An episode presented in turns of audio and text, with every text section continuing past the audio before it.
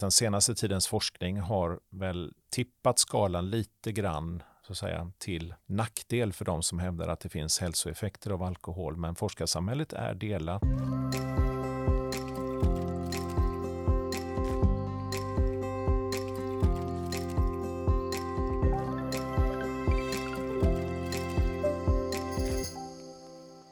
Fyra glas vin per tillfälle är det nya gränsvärdet för riskbruk. Hur kommer det påverka svenskarnas alkoholkonsumtion? Den som har svar på det är Thomas Lindén, avdelningschef på Socialstyrelsen. Och vi som håller i trådarna här är jag, Palle Liljebäck och Nikita Seilot. Det här är Naturvetarpodden.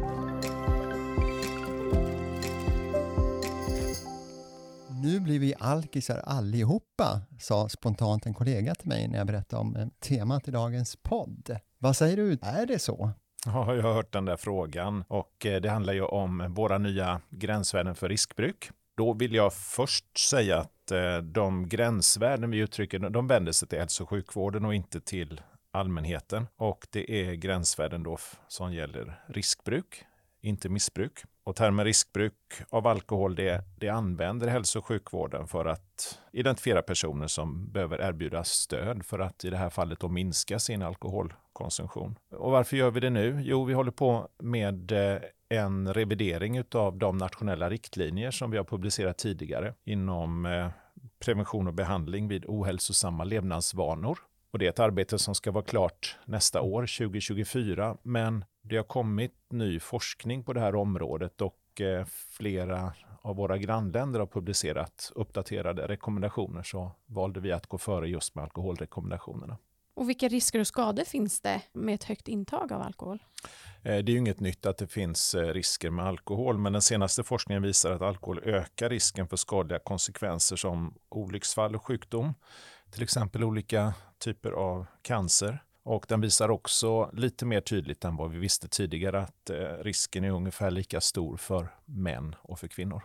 Ja, för gränsvärdet var ju annorlunda förut. Mm. Alltså det var ju mindre, eller mer, eller vad ska jag säga, mindre och mer. Men man fick dricka mer och det var skillnad mellan man och kvinna. Ja, eller egentligen är gränserna samma för kvinnor, men vi har sänkt dem för män jämfört med tidigare rekommendation. Det beror på att eh, ny forskning har visat att det är inte så stor skillnad mellan män och kvinnor som man tidigare har trott. Intressant. Annars brukar man ju alltid göra de här skillnaderna. Ja, Kanske men- inte, of- eller kan det vara så att vikten är viktigare än eh, om man är man eller kvinna? Lite så har man resonerat tidigare, att eh, kvinnor väger i genomsnitt mindre än män.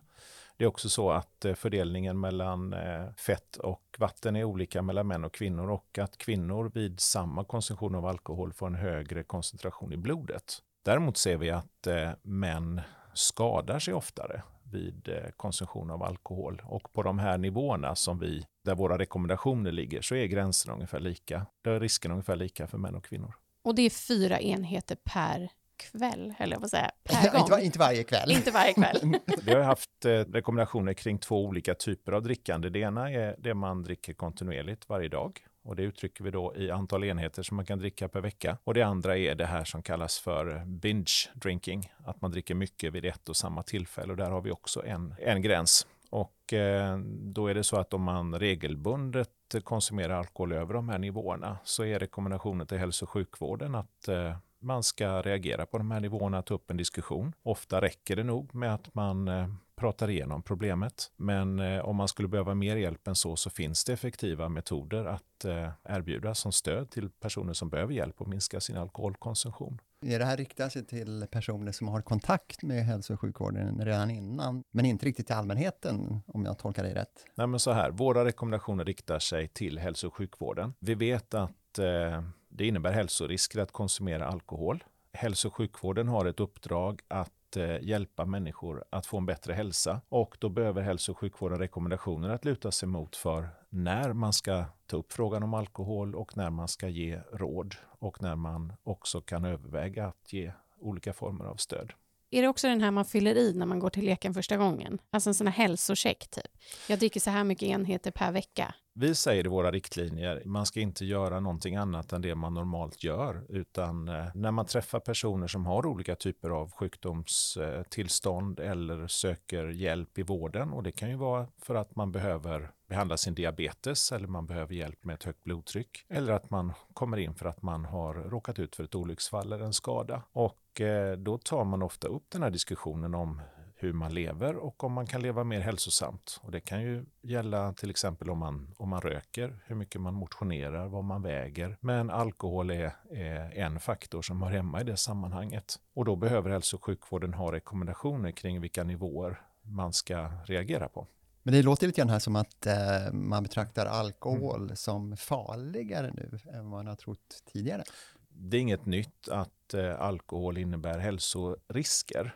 Det nya är eh, egentligen att vid den här nivån vi rekommenderar så är hälsoriskerna lite större än vad vi har trott tidigare och det gäller olika skador som vi har haft kunskap om tidigare. Eh, olika typer av organskador och risk för beroende till exempel. Men det finns ny information till exempel när det gäller sambandet mellan alkohol och cancer. Om man vänder på det kan man säga att eh, det går inte utifrån forskningen att säga en nivå där under den nivån så är alkohol riskfri. Men eh, när man kommer ner på lägre konsumtionsnivåer så är forskningen inte entydig. Det finns stora variationer i, i studierna och så. Så att vi lägger rekommendationer på den här nivån. Vad är det för cancer man kan få som kopplat till alkohol? Det är flera olika typer av cancer och eh, där riskökningen är störst är olika typer av cancer i, i munhåla och eh, svalg, strupe, magsäck. Men det finns också ny forskning kring risken för bröstcancer vid hög konsumtion av alkohol att den ökar med ökad konsumtion av alkohol. Vi kanske ska klargöra vad de här enheterna är för någonting. Jag menar, ja, fyra, fyra enheter på en kväll har vi sagt, eller ett och samma tillfälle. Och tio på en hel vecka var det va? Och en enhet är ju en uh, flaska starköl. 33 centiliter, alltså inga sådana här stora burkar. Det motsvarar en, ett glas vin, vad jag har förstått. Och kanske 4 centiliter sprit. Ungefär. Men i ärlighetens namn, nu kom ärligheten. Om jag tänker, liksom, om jag ser runt omkring mig och jag går på fest eller går ut och tar en AV med vänner. Det är sällan någon som tar bara två stora stark och det är mer än 33 centiliter öl. Alltså fyra öl har liksom ännu inte varit så här, oj gud kompis, du kanske ska ta det lite lugnt. Nej. Tror du att det många kan med de här nya gränsvärdena börja ifrågasätta sitt drickande mer och därav söka hjälp eller stöd eller tro att man är värre illa än vad man kanske är? Alltså det är tydligt att göra det klart att varken eh, Socialstyrelsen eller sjukvården lägger sig i egentligen hur människor lever sitt liv. Men eh, sjukvården har till uppgift att hjälpa människor att leva hälsosamt och då är det bra att ha kunskap att luta sig mot. Och eh, det är bra att veta att över den här, en regelbunden konsumtion på den här nivån eller över, det medför hälsorisker. Men lika lite som vi tvingar människor att gå ett visst antal steg per dag eller minska på sin konsumtion av eh, rött kött så eh, kan vi ju inte heller tvinga människor att eh, dricka mindre. Men eh, om man regelbundet dricker över de här nivåerna så bör man nog kanske skänka det en tanke i alla fall. Jag tänker på britterna. Herregud, de fikar ju inte. De går ju och tar öl. Alltså det är ju deras liksom, vi ses på puben. Flera länder i vår omgivning har, eh, har förändrat sina rekommendationer och eh, det är egentligen peka ut att eh, det finns hälsorisker med att dricka alkohol i för stor mängd. Och det är också flera länder som har gått längre än Sverige och rekommenderar konsumtion max på lägre nivå än vad vi gör eller att inte konsumera alls. Tror ni ärligt talat om alkohol hade uppfunnits idag, tror ni det hade varit lagligt då? Ja, det är en bra fråga. Alltså jag tror verkligen inte det. Med tanke på när du sitter och berättar om alla risker, då är det så här, ja, ska vi ta in det? Ska vi gå tillbaka till de här stängda pubarna, dörren med luckan? Liksom? Ja, man har ju fört den diskussionen, med, eller tankeexperimentet med cigaretter. Och de har väl sagt att cigaretter skulle väl inte riktigt tillåtas idag, eller godkännas att uh, säljas, om det hade startat idag. Vad tror du om alkohol? Det är svårt att säga. Det är, mm, varför började vi dricka alkohol en gång i tiden? Och det är väl ändå de eh, upplevda positiva effekterna av alkohol som har gjort att det har kommit in i våra kulturer. Men det är också så att de negativa effekterna av alkohol, det är ju inget nytt. Utan vi, eh, för 150 år sedan ungefär, så väcktes ju nykterhetsrörelsen ur en medvetenhet om att eh, vi i Sverige höll på att supa ihjäl oss. Vi hade flera länder som vidtog ganska drastiska åtgärder mot alkohol. I Sverige införde vi, eh, eller hade vi en folkomröstning om totalförbud eller inte. Och det blev nej på det, men vi införde en motbok där varje medborgare fick kvittera ut en viss ranson av alkohol under flera decennier. I USA förbjöd man alkohol under en period och det fick väl inte människor att helt och fullt anpassa sig efter det förbudet så att man upphävde ju det så småningom igen. Så att det är en komplicerad fråga och och eh, Socialstyrelsen ger ett kunskapsunderlag till hälso och sjukvården om eh, hur man eh, ska hantera en diskussion om hälsoriskerna med alkohol. Vi har ju inte underlag att egentligen diskutera samhällseffekten av alkohol eller om man skulle göra någonting på den nivån. Utan där, där får man ju ta in betydligt fler faktorer än vad vi gör. Men återigen, det är bra att människor har en vederhäftig information om konsekvenserna av olika livsval man gör. Och sedan får ju var och en bestämma hur man vill leva sitt liv. Och hade vi inte haft alkohol i samhället hade vi kanske haft andra droger kan man ju föreställa sig. Det kommer ju mycket annat nu. Jag menar cannabis då, mm, till exempel är det ju en ganska het diskussion om och även betydligt tyngre droger än så. Alkohol är inte det enda berusningsmedlet som vi har och eh, både i historien och geografin så finns det ju en, en bred flora av berusningsmedel och jag vet inte om vi i någon tid eller någon plats på jorden är helt utan sådana medel. Så att eh, det är klart, det finns ju en drivkraft drivkraft för att börja använda dem förstås. Ja, det är väl det också man ser att alkoholkonsumtionen sjunker bland yngre men växer bland äldre. Men mm. det kanske tyvärr är så att de yngre söker sig någon annanstans. Ja, det är ju så här, vi ser ju att eh, alkoholkonsumtionen ökar ganska kraftigt bland de som är äldre och då kan man ju ställa sig frågan varför börjar de äldre dricka plötsligt? Men det är ju inte det som händer utan det är ju personer som var i medelåldern på 70-talet de har nu blivit i eh, särskilt boendeåldern och man tar med sig sina dryckesvanor. Så att man kan ju se tydliga kohorteffekter i det här, både vad det gäller alkohol och till exempel narkotika. Däremot ser vi nu att eh, de som är unga idag, de lever ju mer hälsosamt och eh, mer förnuftigt än vad till exempel min generation gjorde. Så att, det är eh, bra, det går framåt hörni. Det, det kan man väl säga i allt som är, ja. ja, verkligen. Mm. Det finns hopp. Det finns hopp. Men här med äldre personer kan också handla, jag tänker på det med bag-in-box, men i och för sig, alla har ju chans att köpa bag-in-box, men min känsla är åtminstone att framförallt äldre har anammat den grejen. Gud, så fel du har, Palle. bag-in-box är ju, nej gud, nej, det är ingen åldersgräns på dem nej. Det kanske inte är nej, så. Det är nej. mer vilka man vill ha hemma, eller jag får säga. Jo, men apropå bag-in-box och forskning, det är ju vissa som säger att det kan till och med vara bra att dricka alkohol. Alltså jag och Palle pratade här om dagen om att de har ju sagt det här med att man ska dricka ett glas rödvin om dagen, är bra för hjärtat och viktnedgång till och med tror jag man skulle hålla sig på nivå. Så jag menar det kommer ju från två olika läger på något sätt. Ja men det är intressant och det är, det är precis som du säger att eh, där är forskarsamhället eh, delat. Och och eh, de hälsoeffekter som brukar hävdas eh, komma från alkohol, det, det handlar framförallt om eh, hjärt-kärlsystemet och också att det eventuellt skulle kunna skydda från demens. Det är svårt att göra sådana här studier och det finns väldigt många störfaktorer. Och man kan väl säga att den senaste tidens forskning har väl tippat skalan lite grann så att säga, till nackdel för de som hävdar att det finns hälsoeffekter av alkohol. Men forskarsamhället är delat och när man kommer ner på liten konsumtion av alkohol så är det så mycket överlapp mellan olika studier att eh, min bedömning är att det går inte att säga någonting säkert där. Juryn är fortfarande ute.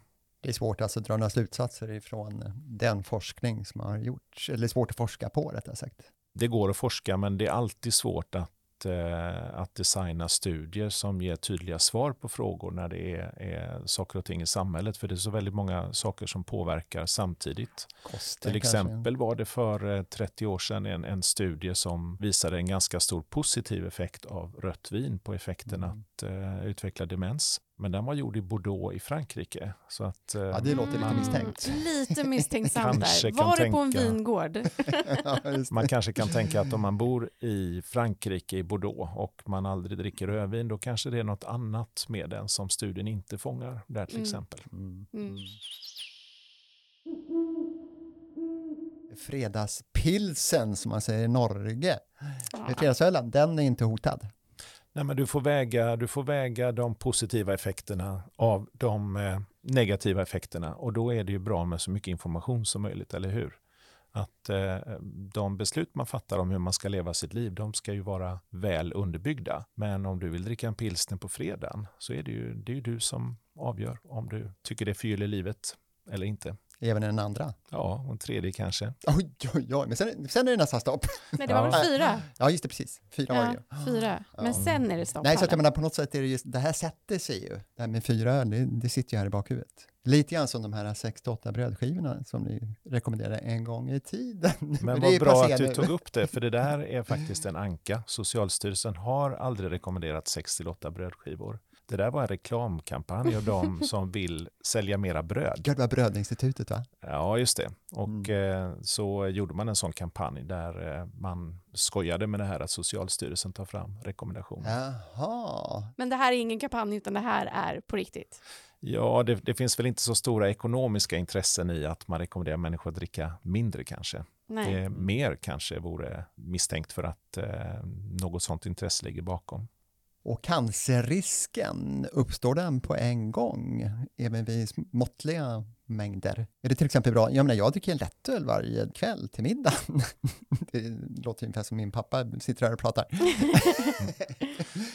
kan det vara skadligt? Nej, riskerna är tydliga vid den, eh, den konsumtionsnivån där vi utfärdar rekommendationer till. Det, det finns studier som pekar på att eh, risken ökar i första droppen, men dels är de, eh, de studierna de är väldigt svåra att göra. De innehåller många störfaktorer och och eh, sedan är det också en fråga om hur stor risken är. Det, det måste vara en viss nivå på en risk för att eh, vi ska utfärda rekommendationer till hälso och sjukvården om att agera. Så det är både osäkert om det finns en risk och om den finns på låga nivåer så är den för liten för att det ska bli en rekommendation av den från vår sida.